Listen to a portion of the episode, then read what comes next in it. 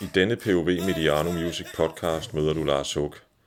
Den 28. og 29. marts var der premiere på koncertfilmen Greatest Hook Live, optaget ved Hooks afskedskoncert i Vega i september 2016, som i øvrigt også får forevidet på vinyl, og kun på vinyl.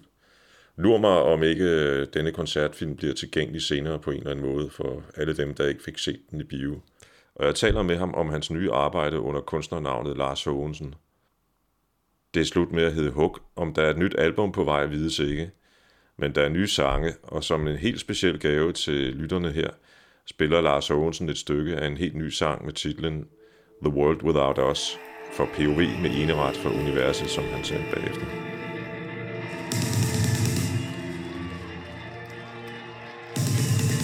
Som en del af tidsånden, det er noget, man først bliver klar over senere når man har snakket med Søren Ulrik Thomsen, for det ved han alt om. Mm. Og senere hen, så bliver man pludselig noget, som, som små børn har lyttet til, øh, eller tvunget til at lytte til, mens de lå i mors mave. Og senere hen, jamen så, så er der ikke nogen, der ved, hvem Lars, øh, hvad sagde du, Lars Lille? Når det er Lars H. U.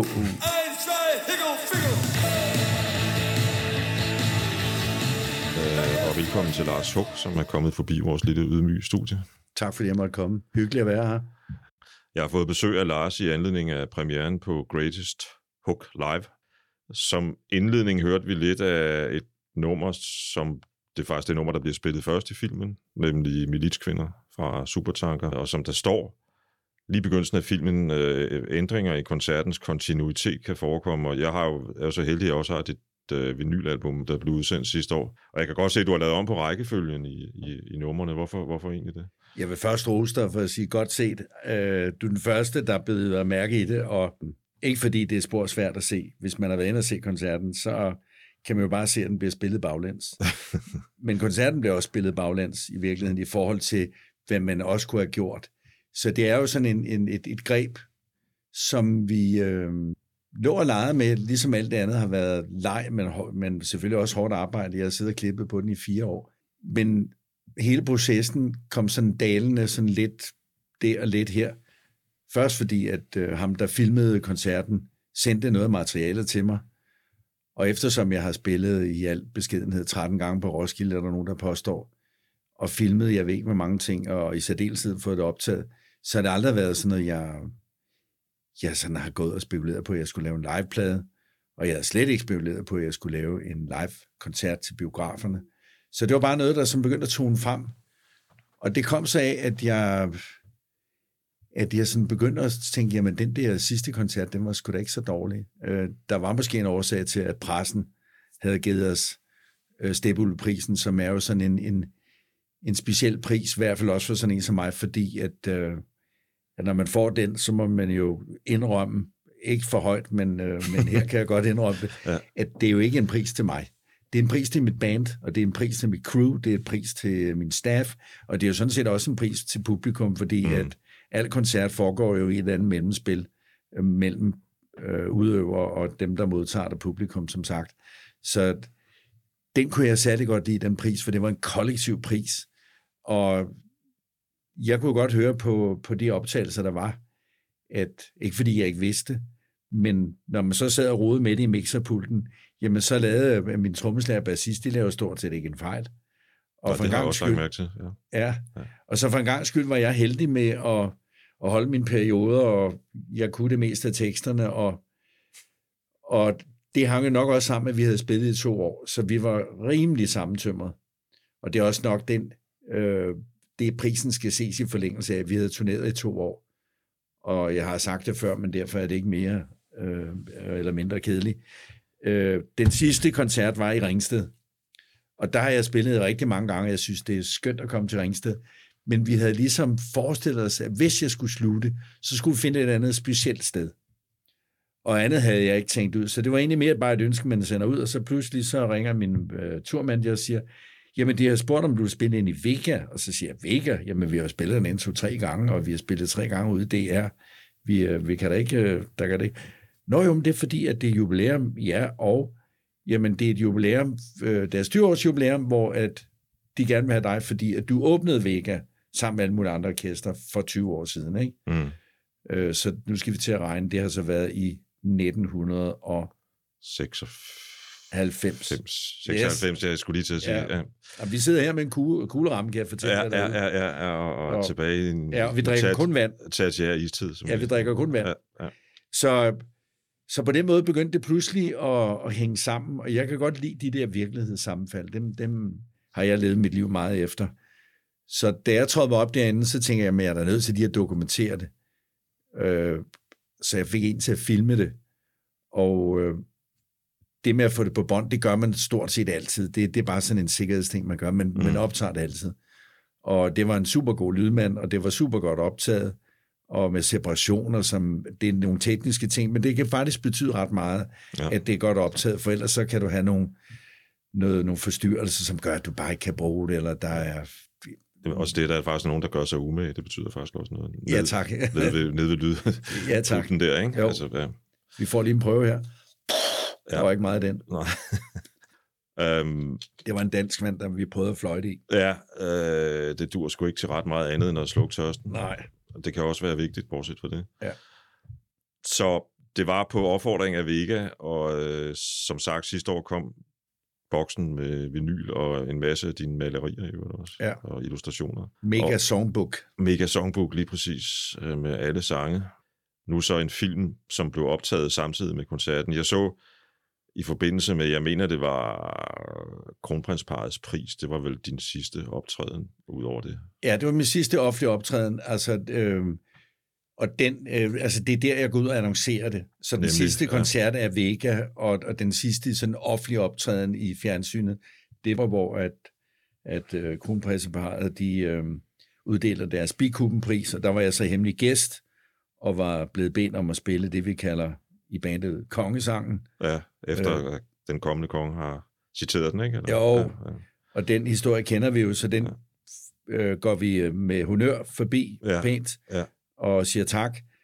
Så der gik jeg ud og annoncerede det. Det var selvfølgelig ikke noget, jeg annoncerede på fjernsynet, mens at øh, kameraerne rullede, så kunne jeg, det ville være, være, være lidt plat og tage for meget opmærksomhed. Men det var i den sammenhæng, jeg gik ud og annoncerede, at nu stoppede jeg med at turnere, og andet var det som end ikke, men jeg synes også, at man skyldte at dele det med sit publikum, fordi det var en beslutning, jeg havde taget.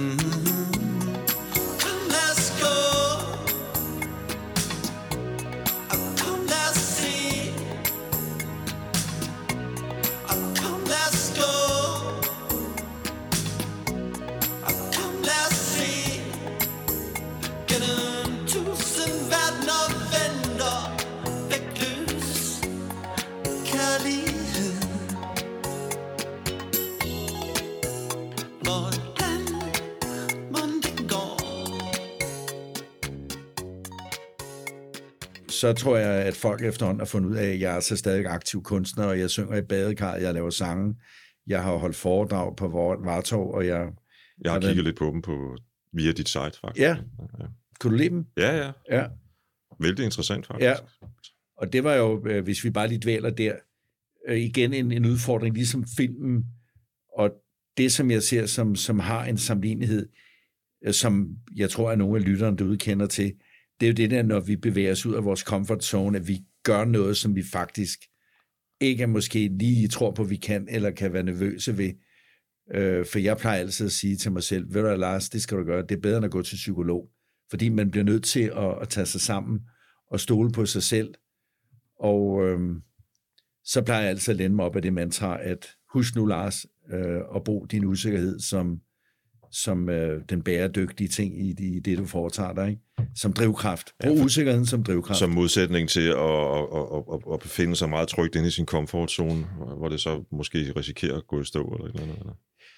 Ja, og al respekt, fordi det, det er jo også vigtigt, at, at man også kan være der, men, men øh, at levere det arbejde, man skal, det nytter ikke noget, en, en, øh, en kirurg, han hele tiden skal ud af sin comfort zone. Nej, det han tror skal, jeg, han skal helst ikke være ret meget i tvivl. Han, han skal ikke sidde og... Ej, jeg tror, jeg skulle prøve en anden kniv i dag nu. Den, ja. er, den, den er sgu for skarp. Eller sygeplejersken. Kan du ikke lyst til at prøve? Ja, ja, ja. ja, ja. hvad, hvad så, lille mor? Skulle du lige prøve at skære lidt i ham her? Ja. Operationen lykkedes, og patienten døde. Ja. Ej, det skal vi ikke ud i. Men her, der, øh, der var så ligheden det der med, at øh, i Vartov, der skulle jeg holde fem foredrag for det samme publikum. Det vil sige, jeg skulle faktisk lave fem foredrag, og så skulle de jo også hænge sammen, og de skulle på en eller anden måde have en kontinuitet, sådan at folk fra det første foredrag til det sidste havde fået en, en rejse med sig. Mm. Og det er jo lidt det samme, der sker også med musikken, at øh, når du 55 år efter, du startede med at spille, udsender din sidste koncert, og der skal siges, at jeg jo helt bevidst havde valgt at spille, uanset rækkefølge, minimum et nummer for hver udgivelse, øh, så kommer du også med på en rejse, i en musikalsk rejse, og det, som jeg har hæftet mig ved, øh, det er, at vi jo alle sammen en del af den samme historie. Og det er ligesom blevet mere og mere klart, som, som man når igennem sine ting og får noget afstand til det. Fordi at øh, når jeg står der på mandag og skal se mig selv på lærredet, så ved jeg, at de, det publikum, der er derinde, det er jo ikke dem alle sammen, jeg kender, men der, jeg har selvfølgelig fået lov at invitere nogle af, af de nærmeste. Og det, der slog mig, var, at jeg havde både inviteret øh, nogen fra det første band, jeg spillede med, som, som er før kliché, og så er der nogle af mine forskellige øh, pladeselskabsdirektører, jeg har haft gennem livet, mm. men som jo alle sammen har været en del af min historie, men ikke bare min historie, jeg er også en del af deres historie. Og det er det, man skal huske, så man, man fletter ligesom ind i hinanden, og det synes jeg er, er en dejlig fornemmelse, og at det er også, måske også meget godt indimellem lige at minde os om, at jamen, uden, hvor, altså, uden at der sad nogen derude og lyttede med, så vil vores samtaler også blive lidt, måske lidt, øh, ikke kedelige nødvendigvis, men, men her der når man også ud til nogle andre, og man mm. kan dele det med nogen. Igen, det fletter ind i hinanden, ja. Og så kan folk jo bruge sangene, som de vil, og hvis de ikke kan lide dem, så er I mere end velkommen til at slukke.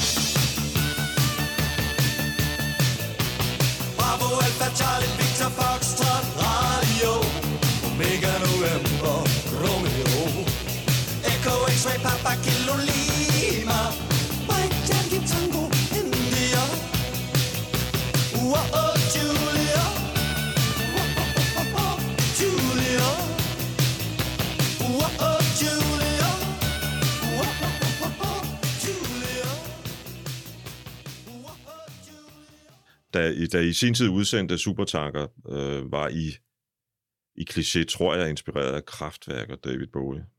Og der er faktisk øh, et par citater af Bowie og Beatles i filmen.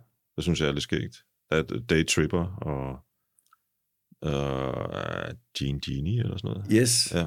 Og du har lyttet godt efter. Ja, ja. Det ja. Jamen, øh, godt gættet og øh, fuldstændig korrekt. Øh, Cliché øh, kom ud med en plade, siger du, tre år. Ja, i Jamen, det passer meget godt. Det 80, passer meget 80, ja, godt. ja. Vi, ja, vi kom ud i 80. Ja, og der, der, der, der står i øh, Wikipedia, at I blev dannet i 77, så det vil, vil jeg tro på. Jamen, det skal nok passe. Ja. Ja. Og, øh, så sammenlagt, så bliver det jo 55 år. Ja, præcis, som du sagde før. Ja. Og så havde jeg så spillet i et orkester inden. Så, så hele, altså hele det der forløb er jo også en... Altså det er jo spændende det der med at mærke, at jamen, så er man en del af tidsånden. Det er noget, man først bliver klar over senere når man har snakket med Søren Ulrik Thomsen, for det ved han alt om. Mm. Og senere hen, så bliver man pludselig noget, som, som små børn har lyttet til, øh, eller tvunget til at lytte til, mens de lå inde i mors mave. Og senere hen, jamen så, så er der ikke nogen, der ved, hvem øh, Lars, øh, hvad sagde du, Lars Lille? Når det er Lars H. Nå, jamen, det har jeg sgu ikke hørt om. Og, og de inspirationskilder, du har, nu lige dem, du nævnte, dem er jeg sikker på, at der er rigtig mange, der også kender, selvom de egentlig ikke ved, hvem det er som sådan, men de har hørt så meget, at, at det bliver ligesom en del af deres øh, DNA i forhold til musik.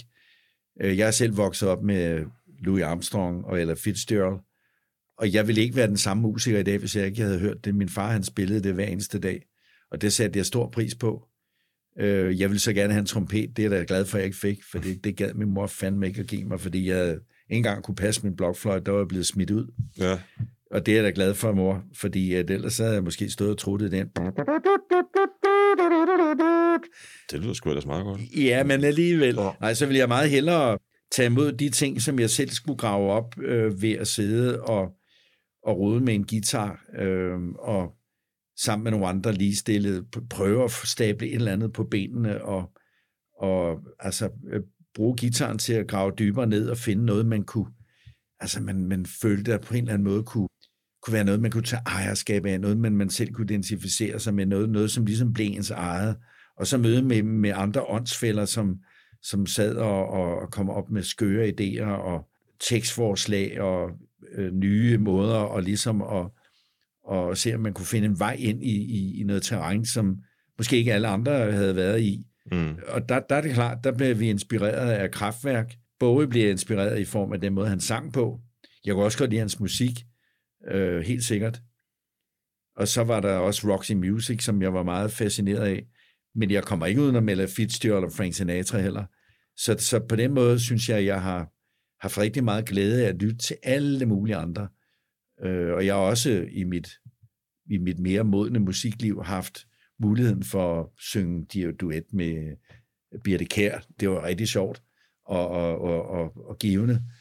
Jeg har spillet til uh, Jotlebjørns Memorial-koncert. Ja, det kan jeg godt huske. Ja. Og Lisa, Lisa Ekdals, øh, Ekdal hedder det hun vel på svensk, er med på Kiss and Hug from a Happy Boy, Ja. som, som jo er sådan lidt jazzet i virkeligheden. Ja, og så har jeg optrådt med Lisa Nielsen, når vi nu er det svenske. Ikke? ja, ja. Og så har jeg sunget duet med Lille Lindfors, så jeg har ikke nogen, øh, nogen præferencer til, om, om, om det er det ene eller det andet. Så længe jeg bare holder, holder det, som jeg selv laver, inden for det, jeg synes, øh, mm. jeg gerne vil udtrykke, så pødes jeg ikke at, at, at skulle hverken være for, for meget medlem af musikpolitiet til ikke at kunne spille med den, eller jeg kan ikke lide det der, eller så videre. Men det er selvfølgelig noget, som ligger i dig, når du er ung kommende op musiker, fordi du er nødt til at skabe et rum omkring dig, så du får ørenlyd for alt det larm, der er, sådan at du er nødt til at profilere det ved at sige, det der, det er noget lort, og det, det, det er noget gammeldags, så det duer ja. ikke, og det er spillet min bedstemor, og bla bla bla. Det hører meget med til at være ung, det du ret i. Ja. Come along. Come along.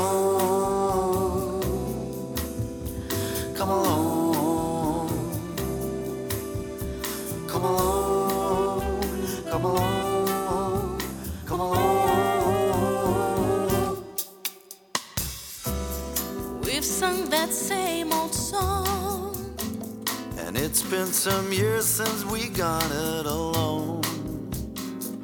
Come on, April or May. I knew my right was wrong.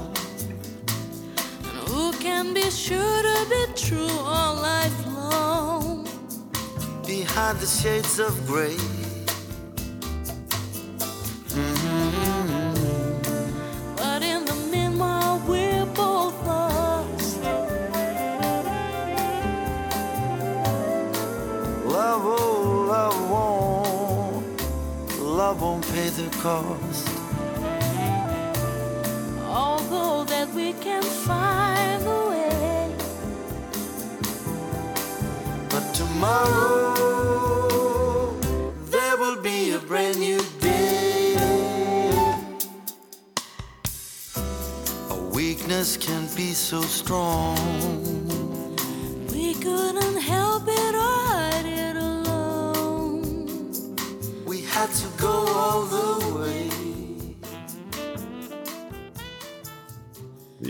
Podcast for et par måneder siden med Stefan Grabowski, som Ja. jo er en gammel øh, bandmedlem. Så spurgte jeg ham, hvad han havde fået ud af at optræde med dig i 80'erne, lidt op i 90'erne. Og så sagde han, at øh, han havde jo lært mange ting. Blandt andet, at det ikke var nok at være teknisk dygtig, men det var også noget med at lære af det at sidde i rummet med de her mange mennesker, som du selv var lidt inde på tidligere, den der vekselvirkning, der er mellem dig og publikum og sådan nogle ting.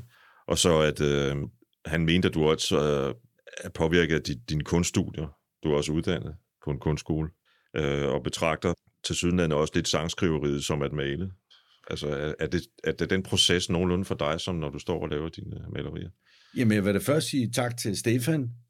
Vi kendte jo hinanden igennem mange år, hvor han øh, spillede trommer i mit orkester.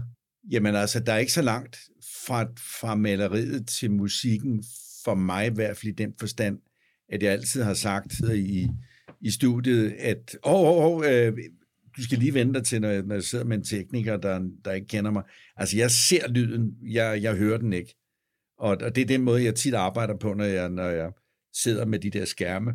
Så øhm, hvis der for eksempel er en solo, hvor, hvor jeg vil gå ind og blande mig lidt i et eller andet, der, der eventuelt skal laves om, eller det kan være en vokal, det kan være et keyboard, hvad fanden, undskyld, jeg bander, Mm. men hvad det nu er, så skal jeg se det øh, rulle frem for mig fra venstre mod højre, du, du, du, du, du, du, og så kan jeg sige, hey, den der, den er ikke rigtig, eller den der, kunne- hvad sker der, hvis man lige flytter den, og laver den til en anden tone, kan du ikke give mig en anden, for jeg aner ikke, øh, hvad tone jeg så vil have, for det kan jeg heller ikke forklare, men jeg kan høre, at der er et eller andet, som i mit univers ikke passer.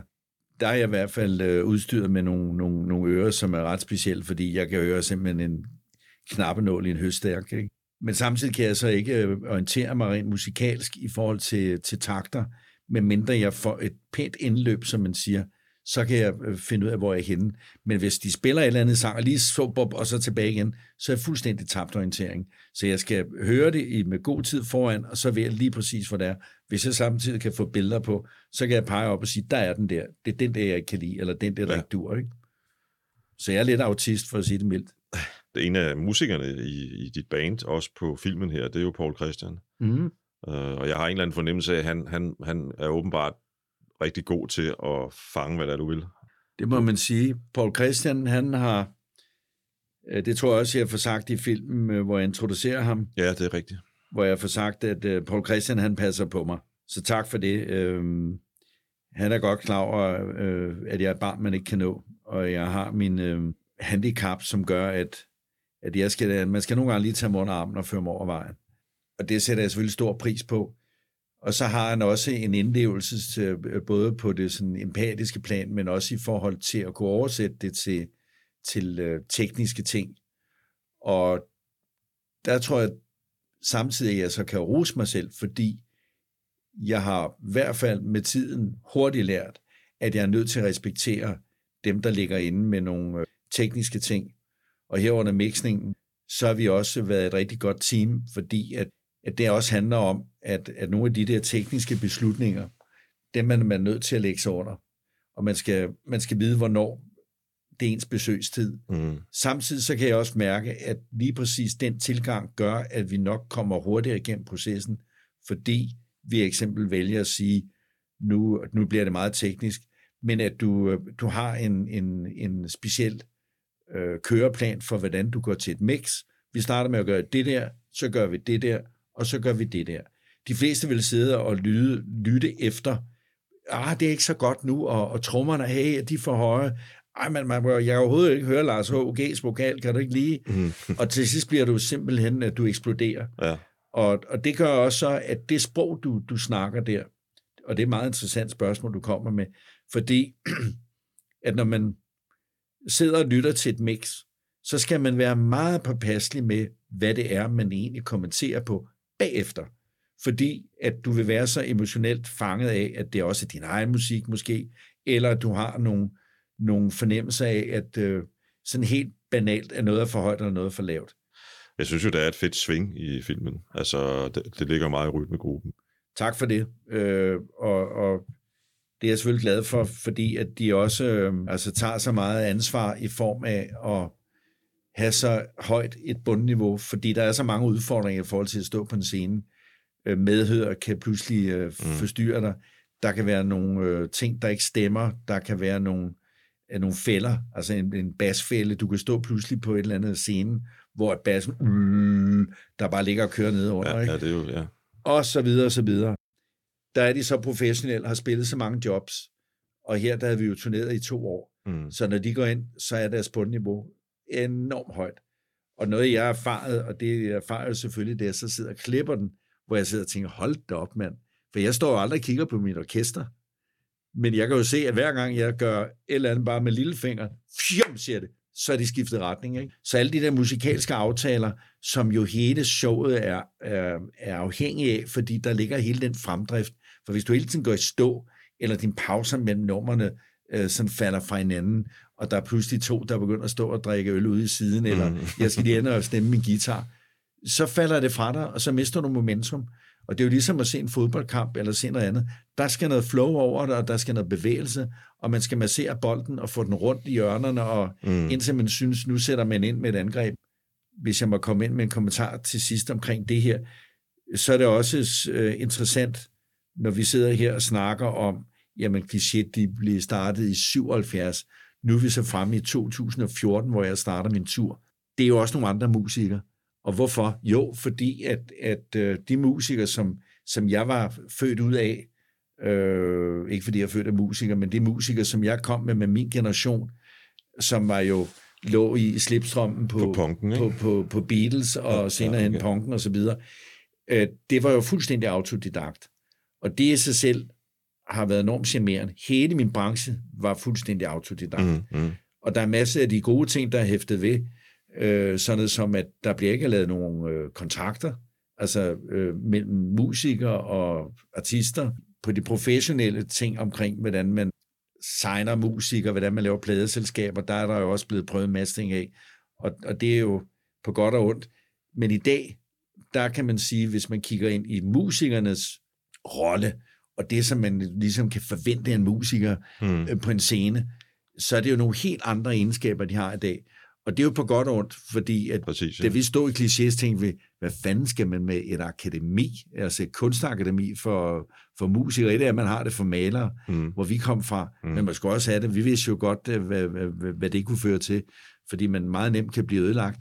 Men jeg har jo så betjent mig af, af de musikere, der er så begyndt at stifte bekendtskab med dem, og jeg vil sige, at jeg står i dyb gæld til dem, for de er så professionelle, og de er også professionelle på et meget højere plan i forhold til, de tager ingen stoffer, de kører hjem efter arbejdet, og de drikker ikke på scenen.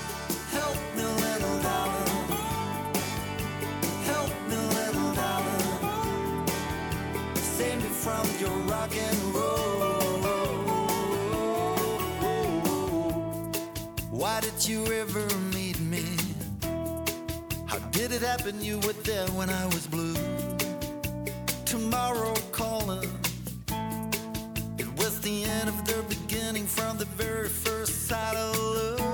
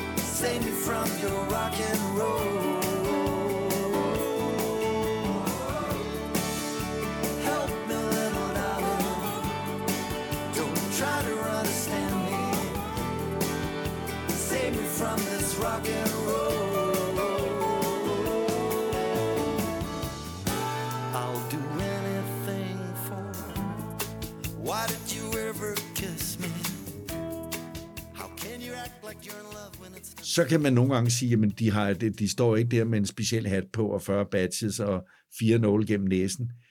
Øh, men det er en anden tid. Og, Plus, plus at der jo i gamle dage var der jo opstod nogle af de der koncertmomenter, man husker måske nok også i, i, på et tidspunkt, hvor en eller anden kunstner var vind og skæv, for nu at sige det lige ud. Ikke? Altså, øh, jo, hvor de faldt ned af stolen, eller hver gang Ja, han skulle sige, bum dum dum dum Ja. dum, når han så kom over til højre, bum dum dum, så faldt han ned af stolen. Dem Ja. har vi samlet op en del af. dem har man samlet nogle stykker op Ja. af. Ikke? Men jeg forstår sådan set godt, hvad du mener, fordi det er produkt, for nu at bruge et grimt udtryk, den her Ja, der er der ikke noget galt i, i Øh, produkterne. Det synes jeg faktisk er et meget fint udtryk, fordi det er det, der kommer ud, og, og, og, og jeg tror, at det her, øh, altså det her musik, der er kommet ud, det bliver virkelig hjulpet på vej af, at min bagkæde, de lader ikke nogen mål komme ind for at blive i sportsterminologien. Mm. Mm. Altså, de passer deres ting, de kan deres ting, og de leverer dem.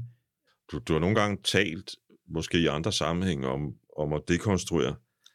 Øh, og, og jeg synes, jeg har måske har været til koncerter, hvor, øh, hvor jeg har været lidt i tvivl, altså med, med dig, hvor jeg har været lidt i tvivl om, om, om, om du prøvede at skabe sådan en form for øh, modtryk på scenen, altså mellem jer, der, der stod med jeres guitar i forhold til rytmegruppen.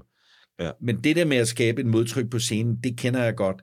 Men det er så måske den mindre behagelige side ved mig som musiker på en scene, hvor at jeg, øh, altså den ligger lige på grænsen. Fordi når, når bandet spiller, når lygterne skal tændes, da du gik fra mig igen, når lygterne tændes, der kommer fjolset sig ind og synger, ikke? Mm. Men der kunne jeg jo finde på, når den siger, da du gik fra mig igen, så stod jeg bare og ventede på, hvad for en af musikerne, der faldt i. For han ville jo sige, da du gik fra mig igen, ground, vil han så sige. Mm. Men jeg har jo ikke sunget, vel? Nej. Så han skal lige vente på, på fjolset kommer ind. Men det lærte de jo hurtigt, mm. og Mm. det blev jo til en enormt sjov ting, fordi at bandet Ja. ja. havde luret mig af. Så hvis jeg ikke sang, så var der ikke nogen, der spillede. Så jeg kunne jo stå på scenen der med en masse folk, der stod og, og, og sang med. Mm. Da du gik fra mig igen, og så kom publikum, Nå, lygterne tændes! Ja, og så... Når lygterne tændes! Ja, ja, så, ja, ja. Det er jo Øh, skide sjovt. Ja. Der bruger du det konstruktivt.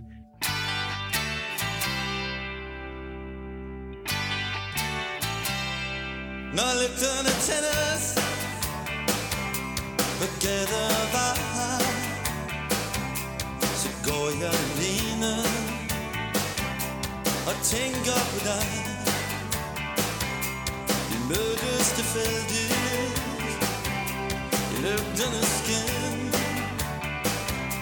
Og du fulgte med mig Jeg lukkede dig ind jeg lukkede dig ind hey, hey, hey. Varmt lysende brændte Da du kom her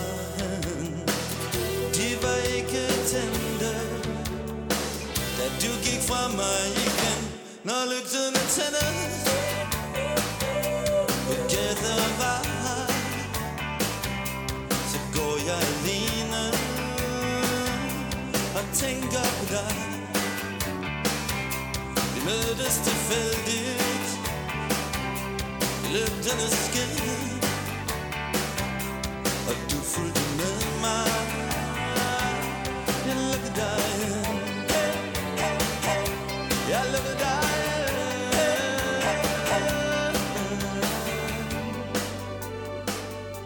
Der, hvor, hvor, hvor det ikke bliver brugt så konstruktivt, det er måske mere nogle situationer, hvor at, at du ligesom går ind i sådan en mere psykotisk oplevelse af, at det her det er noget lort, og, og, øh, øh, og så bliver man måske lidt mere øh, musikalsk destruktiv.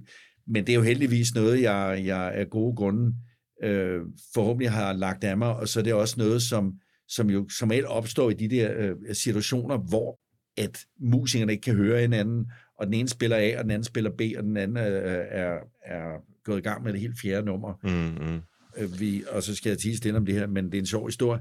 Øh, For eksempel, da vi spillede på i øh, Forum med Cliché, der var vi gået ind for at skulle spille øh, den nye plade, og altså, der var legnet op med det helt store. Og da vi så øh, slår an, så er der ingen, der kan høre noget som helst. Og det gør så, så begynder jeg bare at spille sådan noget 12 musik, øh, sådan, øh, sådan nogle af de, eller de der breaks, der er i Hadsblå.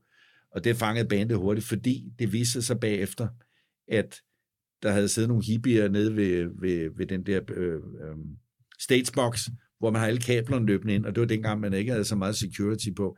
Så du har sådan en kæmpe kasse med alle de der ledninger, der går ned i... Nå, ja, okay. og det vil sige, den ledning, den fører til, til leadvokalen, den her ledning, den fører til guitaren, den der fører til lille trum. Skal vi ikke prøve at bytte rundt på dem? så de havde byttet rundt på dem. Så når, når dem, der stod og mixede, skulle skrue op for vokalen, så skruede de op for bassen, og når de skruede ned for, for lille trum, så skruede de ned for store trum. Mm. Det lød fuldstændig vanvittigt. Det var da, det var da også, øh, ja, det var en sjov lille øh, joke der. Det var en sjov practical Ja, joke. ja. Tak for det.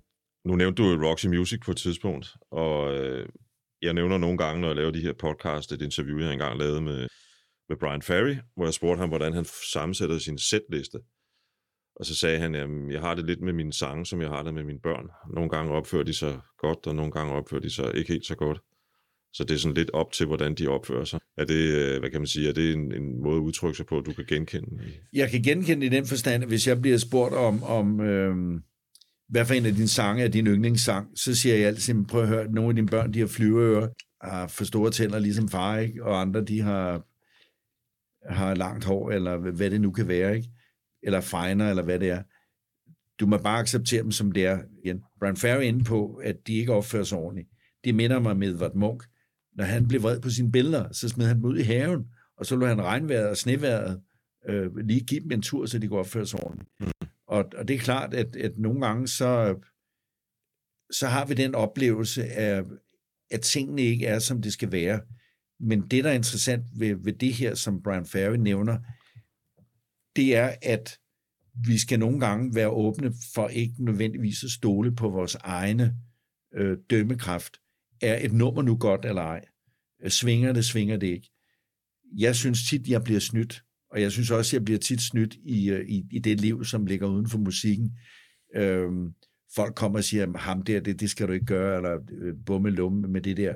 Så prøver jeg altid at lade det gå ind af det ene og ud af det andet, indtil jeg selv har siddet der, eller set filmen, eller mødt personen, eller øh, tjekket det ud, fordi at det kan være, at den, det, det er noget helt andet.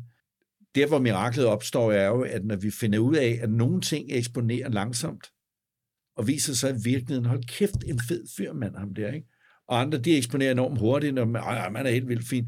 Og så øh, over på den lange bane, så er han ikke langtidsholdbar. Så er han Mm. måske en skidt fyr, eller, Mm. eller en, man ikke svinger med, ikke? Ja, ja, ja. ja. Og det samme er med dine sange. Så, så, øh, og i forhold til smag, så, så tror jeg også, at man skal lægge sin smag godt øh, ned i baglommen og, og, og trykke på låsen, fordi at du bliver så snydt af din smag, og den, den, øh, den forfører dig, fordi at du bliver taget ved næsen. Øh, vent med at dømme det, fordi at musikken, når den, når, når den er, hvor den skal være, så har den selv spillet sig derhen, og det skal nok komme. Du behøver ikke at skubbe den mere, end, end nødvendigt er. Og til sidst, så sidder du bare bum, chi, bum, chi, og så er der ingen, der siger noget, fordi Nej. det lyder skide godt. Man skal i virkeligheden øh, ikke gå ind i lytning af musik, eller for den sags skyld, måske, jeg kan ikke selv finde ud af at skrive musik, men øh, skabelse af musik med smagen først, men ligesom lade musikken definere, hvad, hvad ens smag bliver. I, øh. Meget præcis sagt. Der var lige to øh, personer, jeg gerne ville omkring, fordi de øh, spiller en aktiv rolle. Det er Peter Peter som guitarist, og så er det Johnny Foss, som du lige øh, hilser på i filmen, om man så må sige. Det er korrekt. Øhm, og Johnny Foss, han har jo betydet enormt meget for mig, fordi vi jo øh, vokset op på det samme kunstakademi, og så har vi spillet sammen med Cliché. Og så sideløbende, der har han jo været min, min øh, ghostwriter og, og medskribent i alle mulige øh, passager, og han har overrislet mig med en masse af hans, altså hans kendskab til ord, og hans øh, gode måder at, at formulere sig på, og hans evne til at være poetisk. Himlen er en blå appelsin. Mm. Verden er fuld af frugt. Det er en af mine gode citater fra ham. Ja, meget Og- smukt. Ja, og altså Natsværmer har jeg skrevet sammen med ham. Øh, det var en stor oplevelse. Et par sange fra 10 sekunder stillhed også, ikke? Fra, jeg har også skrevet med ham. Så har vi skrevet New York. New York. Ja, ja, ja. Der er et band, der spiller reggae midt på 5. Avenue blandt plastikmadaffald i den evige vågne by. Det er her, du får den store gevinst. Det er her, du plumper i. Alle bilhorn spiller med på New Yorks skæbne symfoni. Hey, hey, Guardian Angel, vis mig vej. Der er et band, der spiller reggae midt på 5. Avenue. Blandt junkfood, plastik, mad og fald i den evige vågne by. Det er her, du får den store gevinst. Det er her, du falder i. Alle bilhorn spiller med på New Yorks skæbne symfoni.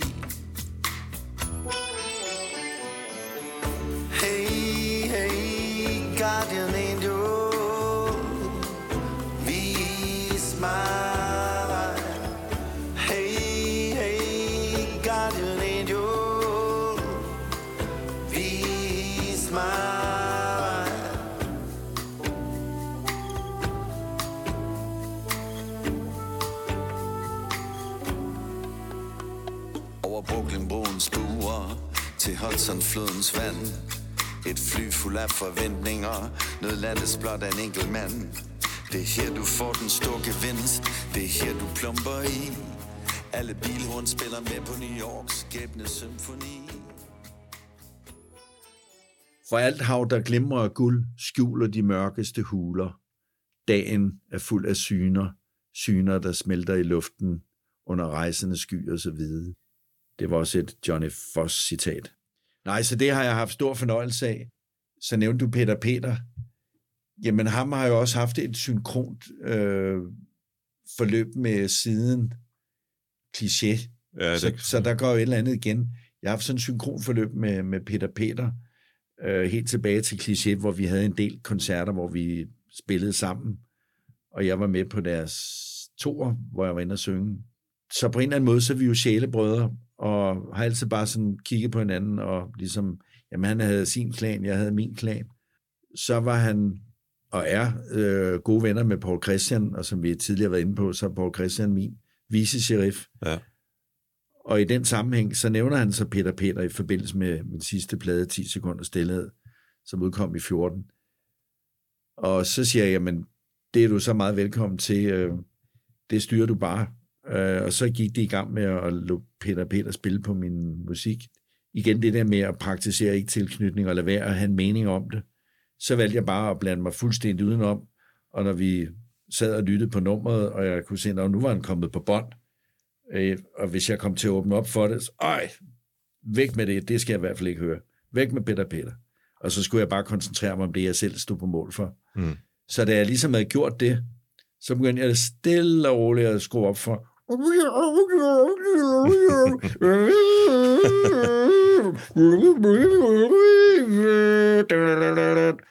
Og så tænkte jeg, fuck, det er godt det her, ikke? Så kunne jeg ligesom få det til at passe ind i, i alle de der smags øh, ting, man havde puttet i. Og, og nu havde jeg lavet min grundsubstans. Så kom det der jo som, som uh, toppings på, som man kalder det. Ikke? Mm. Øh, det var en stor fornøjelse. Og så tænkte jeg ikke så meget over det, og da vi så skulle ud og spille, så siger Paul, var det en idé med Peter Peter? Ja, det havde jeg aldrig tænkt på. Jeg, jeg tror, han ved det. Jamen, det vil han gerne. Og, og det var simpelthen bare så et, et, øh, et fint møde mellem to gamle dinosaurer, så der så mødes der, og, og, og skæbnen ville også, at på grund af nogle, noget logistik og så videre, hvor folk bor og så videre, og at, at jeg har nogle, nogle andre øh, ting i forhold til, hvad jeg skal, hvornår jeg skal møde ind, øh, og, og nu, jeg skal måske ud og give autografer eller et eller andet, mm. så, så tænkte jeg for første gang, ved du hvad, nu lader vi Peter Peter køre alene med bandet, du. Ved du hvad, så kan de øh, få øh, et par timers fri for mig. Jeg er jo bevidst om, at jeg, jeg selvfølgelig øh, i nogle sammenhæng fylder for meget, eller fylder, fylder meget i hvert fald. Ikke? Jeg fylder også for meget nogle steder, ikke? Øh, men, men der er jo steder, hvor jeg skal fylde meget. Mm. Og det er selvfølgelig en balancekunst. Men her tænker jeg, at det, det var sgu godt. Så kunne jeg køre alene med, med min øh, Agent Orange. Og så når vi mødte ind, så havde de haft deres tid sammen, og alt var godt. Jamen altså, jeg tror, at højdepunktet for mig, det var, da vi var færdige, færdige med første halvdel af, af turforløbet, hvor vi stadig ikke vidste, hvad vej pilen drejede. Men der gik ikke mange uger, så fik vi at vide, jamen der er så stor øh, lyst til at høre dig, Lars, som vi øh, vil spørge bandet, om de vil spille igen øh, øh, til sommer igen, eller hvad, hvad det nu har været. Ikke? Mm. Så det, og det kunne alle heldigvis, og Peter var frisk. Men da vi så startede der, så kom han med, med et par sølvsokker til mig, fordi han havde fået hele bandet til at optræde med, med, med glimmersokker. Ikke fordi man kunne se dem, men det var ligesom om, så var man med. Altså, så var Ja, man med. ja. Så han havde jo dannet sin egen, øh, du ved, sin egen sta- øh, tribe, Ja. sin egen stamme der. er Så, så jeg følte mig virkelig Og, og så havde jeg jo ikke røget og drukket på hele den første tur, fordi det er jeg nødt til for at holde mig skarp. Ja, ikke klart. fordi jeg, jeg har problemer med det. Jeg har heller ikke problemer med at lade være. Men det var en god. Så jeg fik en smøg og en fadøl, og så et par sølvsokker. Så tak til dig, Peter Peter. Det var jeg sgu glad for. Jeg var endelig kommet med i, i min egen klub, havde jeg sagt. Arbejdet med den her film, du sagde, det her, du har arbejdet på den i fire år. Har den øh, givet dig anledning til måske at fortryde, at du stoppede med at optræde? På ingen måde. Nej, tværtimod. Nej, øh, jeg er... Øh, jeg er stolt på, alle alles vegne, som, som har været, øh, øh, været i, i mine klør på godt og ondt. Og jeg er stolt af den, øh, hvad kan man sige, bevægelse, jeg har gjort fra 77 til nu.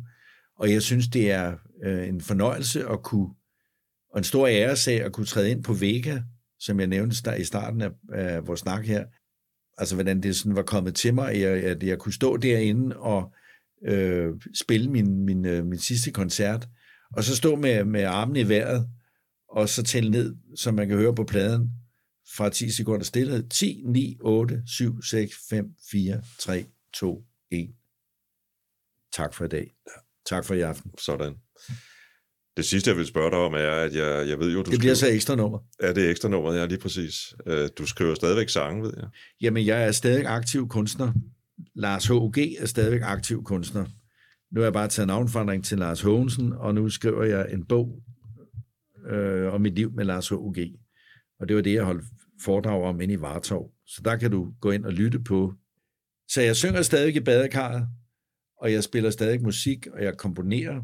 Som det ved nu for øjeblikket, min guitar, så har jeg um, skrevet nogle sange på engelsk, og det har jeg haft øh, stor fornøjelse af. Og øh, den sidste sang, jeg skrev, det var en, øh, en guitar, jeg købte øh, i sådan en, øh, jamen altså, hvad hedder sådan et, et gårdsal eller sådan noget. Den stod inde i et vindue i, i et hus, jeg kørte forbi. Og der stod så en guitar der og, og skreg.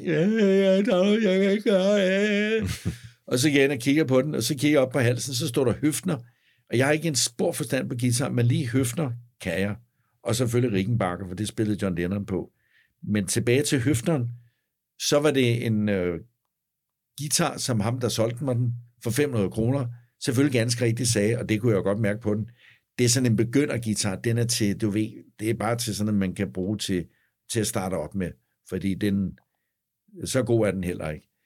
Men altså, Høfner er et, et godt mærke, så den havde en god lyd, og jeg kunne godt mærke, at når jeg sådan prøvede at spille på den, øh, så var den rigtig svær.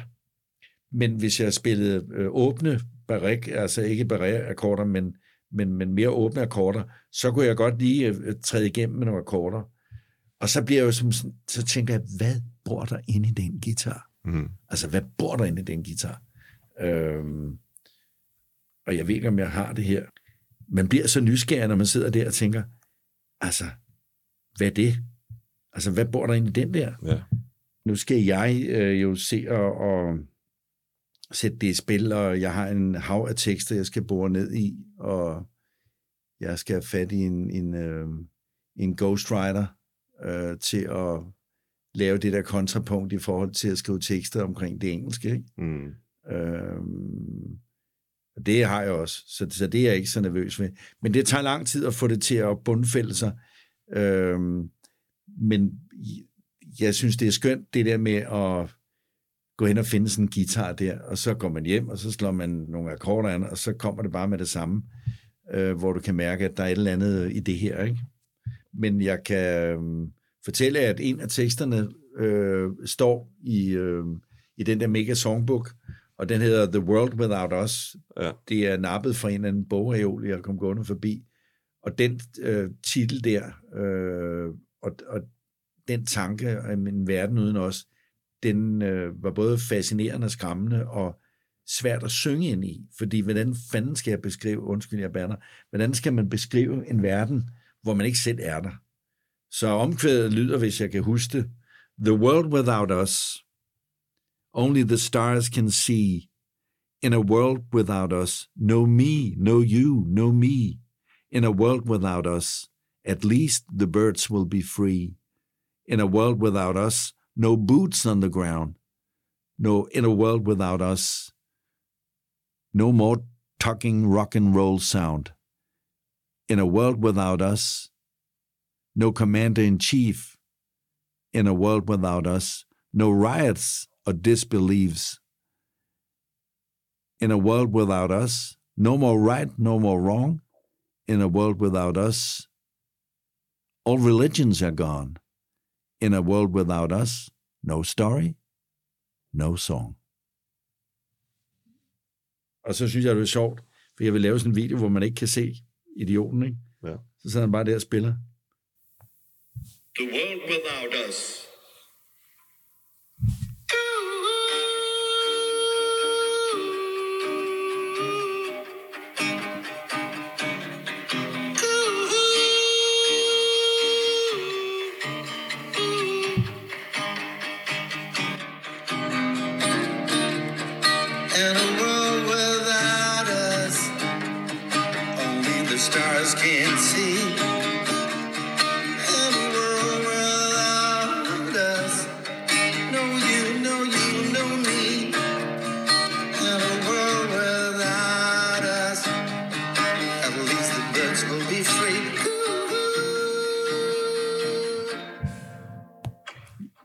Ja, tak for det.